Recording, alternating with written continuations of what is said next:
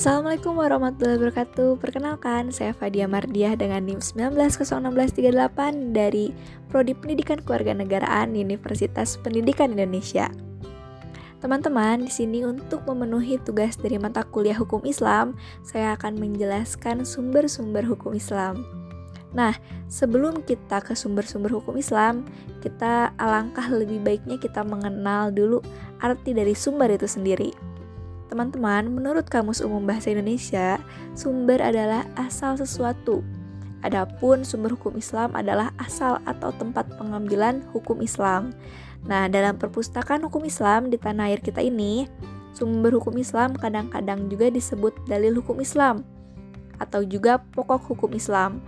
Ada juga dasar hukum Islam. Nah, sumber hukum Islam sendiri terbagi ke dalam dua bagian, yaitu hukum Islam yang disepakati dan hukum Islam yang masih diperdebatkan. Pertama-tama kita ke hukum Islam yang disepakati dulu ya. Pertama, ada Al-Quran. Teman-teman, kata Al-Quran sendiri dalam bahasa Arab berasal dari kata koro, artinya membaca. Bentuk masdarnya kor, Quran, artinya bacaan dan apa yang tertulis padanya. Sedangkan secara istilah Al-Quran adalah kalamullah yang diturunkan kepada Nabi Muhammad SAW. Tertulis dalam mushaf berbahasa Arab yang sampai kepada kita dengan jalan mutawatir. Nah, bila membacanya mengandung nilai ibadah, dimulai dengan surat Al-Fatihah dan diakhiri dengan surat An-Nas. Teman-teman, para ulama usul fikih dan lainnya sepakat menyatakan bahwa Al-Quran merupakan sumber utama hukum Islam yang diturunkan Allah dan wajib kita laksanakan. Seorang mujtahid tidak dibenarkan menjadikan dalil lain sebagai hujah sebelum membahas dan meneliti ayat-ayat Al-Quran. Teman-teman kita ke yang kedua. Yang kedua ada sunnah. Sunnah secara bahasa berarti cara yang dibiasa cara yang dibiasakan atau cara yang terpuji. Nah, secara istilah sendiri, menurut ulama usul fikih, sunnah adalah semua yang bersumber dari Nabi Shallallahu Alaihi Wasallam. Selain Al selain Al-Quran, baik berupa perkataan, perbuatan, dan persetujuan. Dalil yang menetapkan sunnah sebagai sumber hukum Islam di antaranya dalam ayat-ayat Al-Quran yang menjelaskan bahwa kaum muslimin diperintah untuk mengikuti Allah Subhanahu Wa Taala dan Rasulnya Shallallahu Alaihi Wasallam sebagaimana dalam surat Al-Imran ayat 32. Yang ketiga ada ijma. Ijma secara bahasa adalah kesepakatan atau konsensus atau juga berarti tekad atau niat. Sedangkan secara istilah sendiri adalah kesepakatan ahli fikih mustahid pada suatu masa atas suatu hukum syariat tertentu.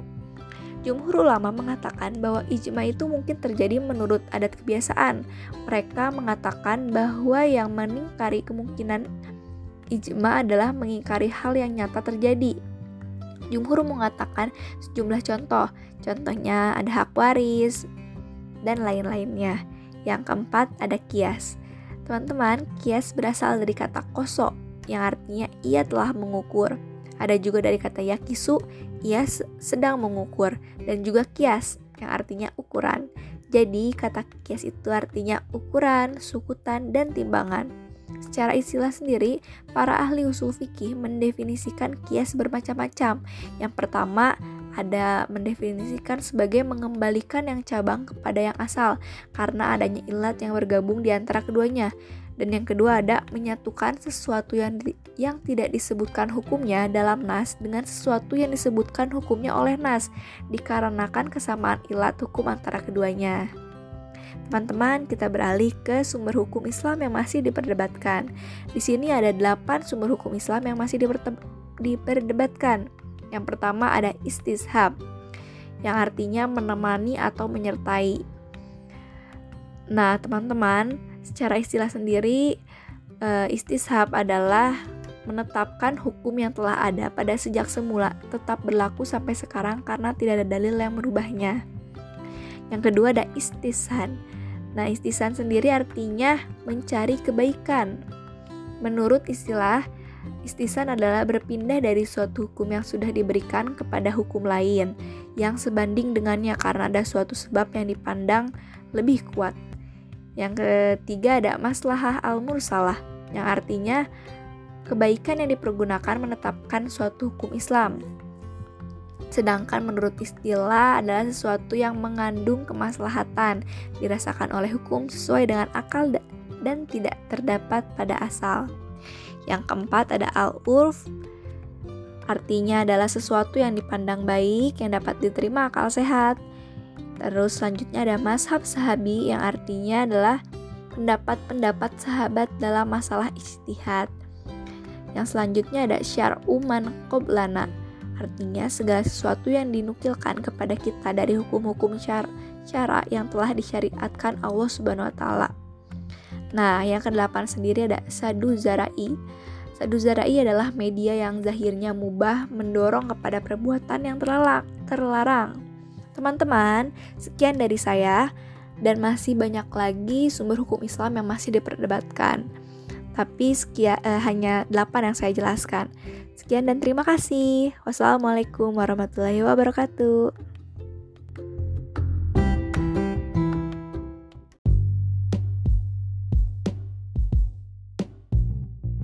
Assalamualaikum warahmatullahi wabarakatuh. Perkenalkan, nama saya Fadia Mardia. Di sini untuk memenuhi tugas digital kewarganegaraan, saya akan membahas mengenai literasi digital. Uh, saya sendiri berasal dari Pendidikan Kewarganegaraan Fakultas Ilmu Pengetahuan Sosial Universitas Pendidikan Indonesia dengan NIM 190638. Pertama-tama, uh, saya akan memaparkan mengenai digital literation, di mana digital literasi merupakan salah satu elemen dari digital citizenship Teman-teman, sejak zaman dahulu kala, literasi sudah menjadi bagian dari kehidupan dan perkembangan manusia, dari zaman prasejarah hingga zaman modern. Pada zaman prasejarah sendiri, manusia hanya membaca tanda-tanda alam untuk berburu dan mempertahankan diri. Mereka menulis simbol-simbol seperti di dinding dan lain-lainnya. Seiring dengan perubahan waktu, berkembanglah taraf kehidupan manusia dan tidak mengenal tulisan, hingga melahirkan pemikiran untuk membuat kode-kode dengan angka dan huruf, sehingga manusia dikatakan makhluk yang mampu berpikir. Nah, pemikiran tersebut akhirnya melahirkan suatu kebudayaan.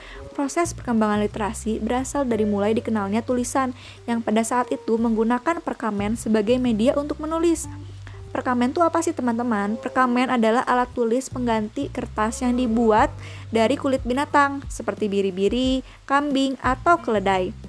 Perkamen biasanya digunakan untuk halaman buku, kodeks, dan juga manuskrip yang digunakan oleh masyarakat dunia pada sekitar 550 sebelum Masehi. Teman-teman, menurut Paul Gilster dalam bukunya yang berjudul, berjudul Digital Literacy, Literasi digital diartikan sebagai kemampuan untuk memahami dan menggunakan informasi dalam berbagai bentuk dari berbagai sumber yang sangat luas yang diakses melalui piranti komputer. Nah, literasi komputer berkembang pada dekade 1980-an ketika komputer mikro semakin luas dipergunakan, tidak saja di lingkungan bisnis tapi juga di masyarakat. Namun, literasi informasi baru menyebar luas pada dekade 1990-an manakala informasi semakin mudah disusun, diakses, disebarluaskan melalui teknologi informasi berjejaring.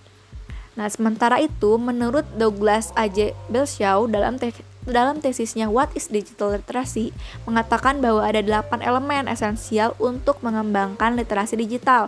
Yang pertama ada kultural, yang kedua kognitif, yang ketiga konstruktif, yang keempat ada komunikatif, yang kelima kepercayaan diri yang bertanggung jawab, 6 ada kreatif. Dan terakhir ada kritis.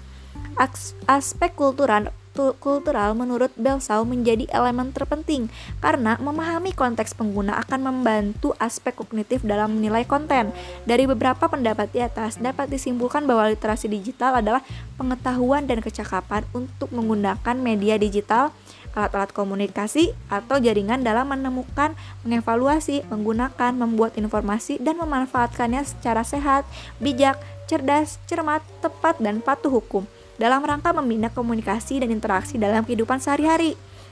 Menurut UNESCO, UNESCO sendiri, teman-teman, konsep literasi digital menaungi dan menjadi landasan penting bagi kemanusia kemampuan memahami perangkat-perangkat teknologi, informasi, dan komunikasi konsep literasi digital sejalan dengan terminologi yang dikembangkan oleh UNESCO pada tahun 2011 yaitu merujuk pada serta tidak bisa dilepaskan dari kegiatan literasi seperti membaca dan menulis serta matematika yang berkaitan dengan pendidikan. Dalam perkembangannya di era milenial ini, terkadang digital literasi mempunyai hambatan dan tantangannya sendiri. Salah satunya ada Duta Baca Indonesia yaitu Najwa Sihab menjelaskan setidaknya ada empat miskonsepsi terkait pemahaman kemampuan literasi dan tantangan literasi di era digital. Dalam acara virtual peringatan Hari Aksara Internasional, Najwa mengatakan banyak masyarakat mengartikan literasi hanya sebatas kemampuan membaca atau mengeja. Hal tersebut merupakan miskonsepsi pertama yang Najwa amati terjadi di masyarakat. Pasalnya ia mendapatkan banyak orang tua berusaha keras mendorong anaknya agar bisa membaca, tapi tidak memperoleh perlakuan yang sama agar anak memahami substansi bacaan. Mis miskonsepsi kedua ialah masyarakat merasa belajar membaca sudah cukup, akan tetapi seharusnya manusia membaca untuk belajar sesuatu. Kemudian, miskonsepsi ketiga menceritakan ada orang mengantuk saat sedang membaca. Hal tersebut disebabkan kebiasaan untuk aktif membaca tetapi tidak menjadi pembaca yang aktif. Yang keempat, ada banyak orang merasa membaca merupakan bawaan dari lahir, padahal sesungguhnya membaca merupakan potensi yang bisa dikembangkan. Pada akhirnya, Najwa menegaskan mengembangkan potensi membaca akan melatih siswa berlatih kritis dan memahami berbagai perspektif. Sebagai penutup dari podcast ini, uh, saya akan membacakan quotes inspiratif yaitu membaca sambil air hayat yaitu adalah berpikirlah sebelum bertindak ini menunjukkan bahwa semakin banyak kamu membaca, semakin banyak hal pula yang kamu ketahui. Terakhir, tetap semangat, jaga kesehatan. Wassalamualaikum warahmatullahi wabarakatuh. Sekian dari saya. Dadah. Harusnya dimasukin.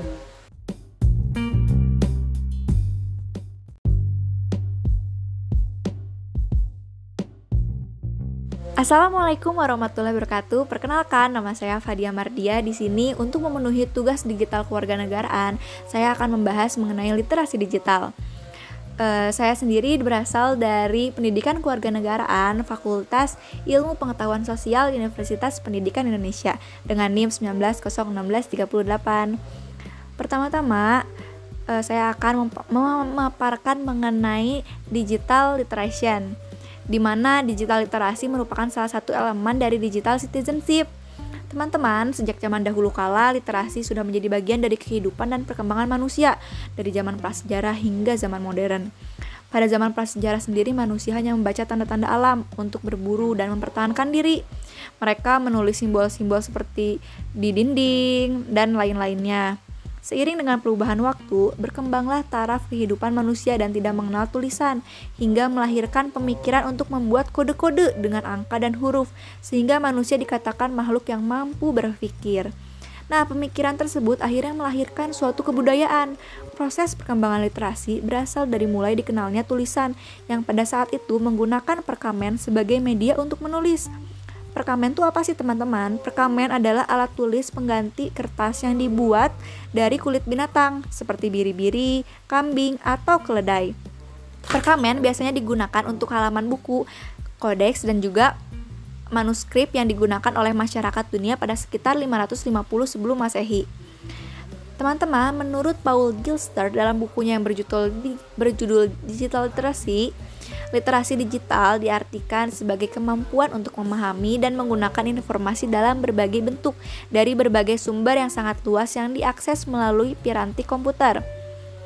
Nah, literasi komputer berkembang pada dekade 1980-an ketika komputer mikro semakin luas dipergunakan, tidak saja di lingkungan bisnis tapi juga di masyarakat. Namun, literasi informasi baru menyebar luas pada dekade 1990-an manakala informasi semakin mudah disusun, diakses, disebarluaskan melalui teknologi informasi berjejaring.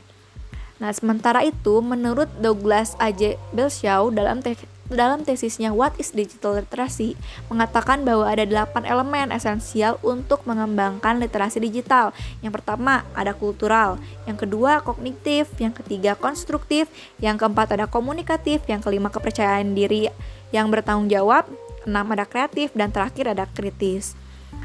Aspek kultural kultural menurut Belsau menjadi elemen terpenting karena memahami konteks pengguna akan membantu aspek kognitif dalam menilai konten.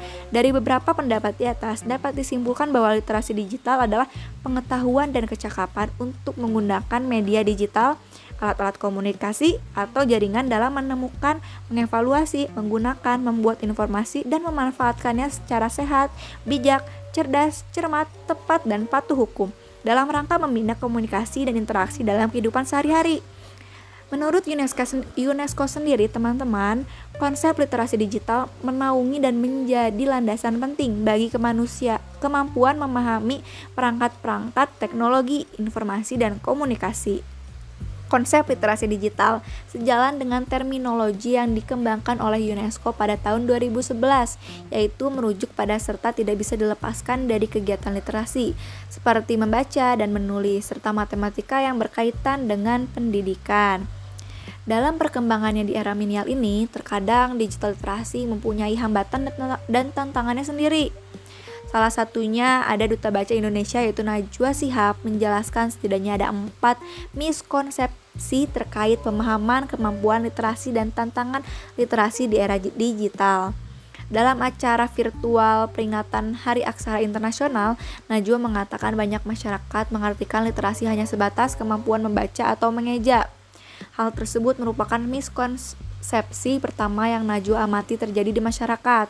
Pasalnya ia mendapatkan banyak orang tua berusaha keras mendorong anaknya agar bisa membaca, tapi tidak memperoleh perlakuan yang sama agar anak memahami substansi bacaan. Mis miskonsepsi kedua ialah masyarakat merasa belajar membaca sudah cukup, akan tetapi seharusnya manusia membaca untuk belajar sesuatu. Kemudian, miskonsepsi ketiga menceritakan ada orang mengantuk saat sedang membaca. Hal tersebut disebabkan kebiasaan untuk aktif membaca tetapi tidak menjadi pembaca yang aktif.